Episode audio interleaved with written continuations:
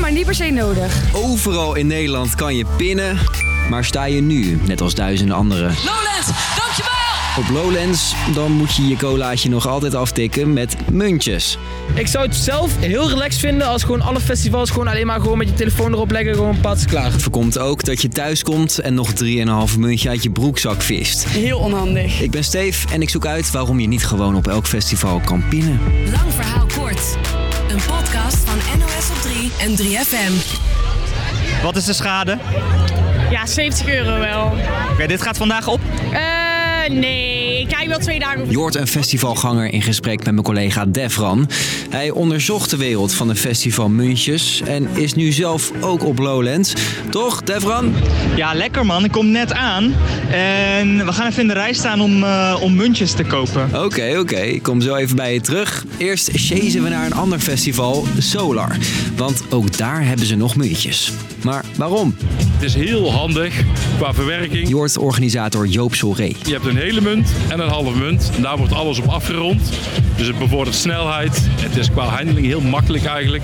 En ook heel goed begrijpbaar voor, eh, voor het publiek. En ja, dat het makkelijk is, zeggen sommige bezoekers ook tegen ons. Nou ja, omdat je een beetje grip hebt op je uitgaven. Ja, op zich is het wel eh, relaxed, toch? Je betaalt gewoon per muntje. Ook relaxed voor festivalorganisatoren. Er komt veel minder techniek aan te pas. Dus biertjes afrekenen met muntjes gaat niet snel mis. Ja, dat is natuurlijk een van de belangrijkste inkomstenbronnen ehm, op dat moment. En dus zeggen vier op de vijf grote festivals in Nederland: wil je iets drinken?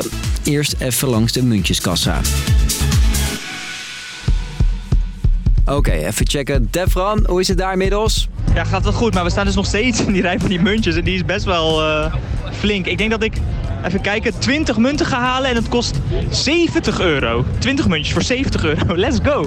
Oké, oké. Ja, het kan dus ook anders, hè? We belden met 34 kleinere festivals.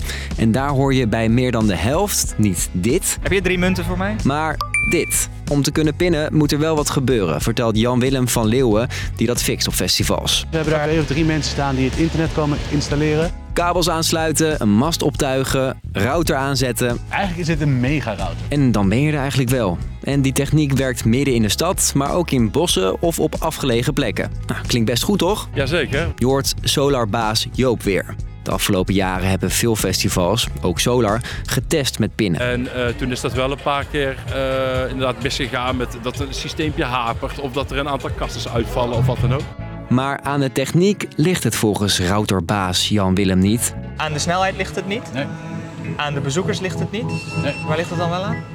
dat is een keuze. Dus ook al is de techniek inmiddels verbeterd, veel festivals kiezen nog steeds voor muntjes. Misschien omdat ze daar toch meer mee verdienen? Nee, het is echt eh, het eh, spreekwoordelijke broodje aap. Toch voelt het voor festivalgangers wel alsof ze met muntjes makkelijker geld uitgeven. Ik, ik ga niet zomaar een Red Bull wodka kopen voor 10 euro, snap je? Wel voor drie mensen misschien. Maar oké, los van het geld, zo'n berg plastic dat is toch ook helemaal niet duurzaam? Nou, dat valt dus wel mee volgens muntjesmaker Michiel. Muntjes altijd goed recyclebaar. Zodra de muziek uitgaat en jij je bed inrolt, komen per festival honderdduizenden muntjes terug naar zijn bedrijf. Wij vermalen ze en wij leveren ze weer terug aan onze kunststofproducent. die er dan weer iets nieuws van maken. En dan heb je om te pinnen natuurlijk veel minder materiaal nodig, maar ja, dat kost weer meer stroom.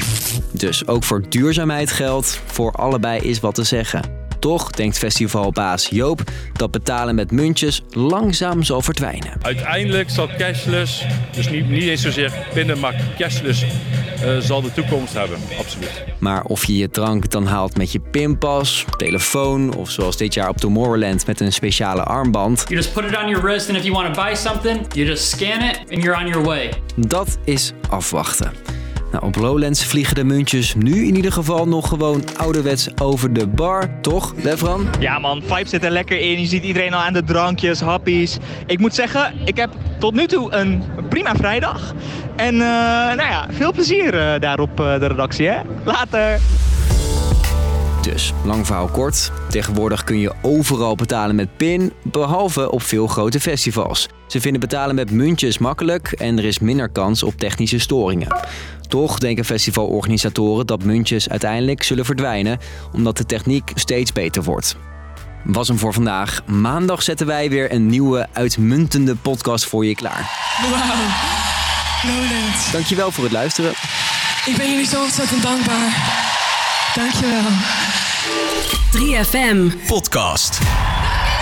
Altijd alles achter de schermen willen kijken? 3 voor 12 geeft je een backstage bandje met de 3FM podcast De Machine.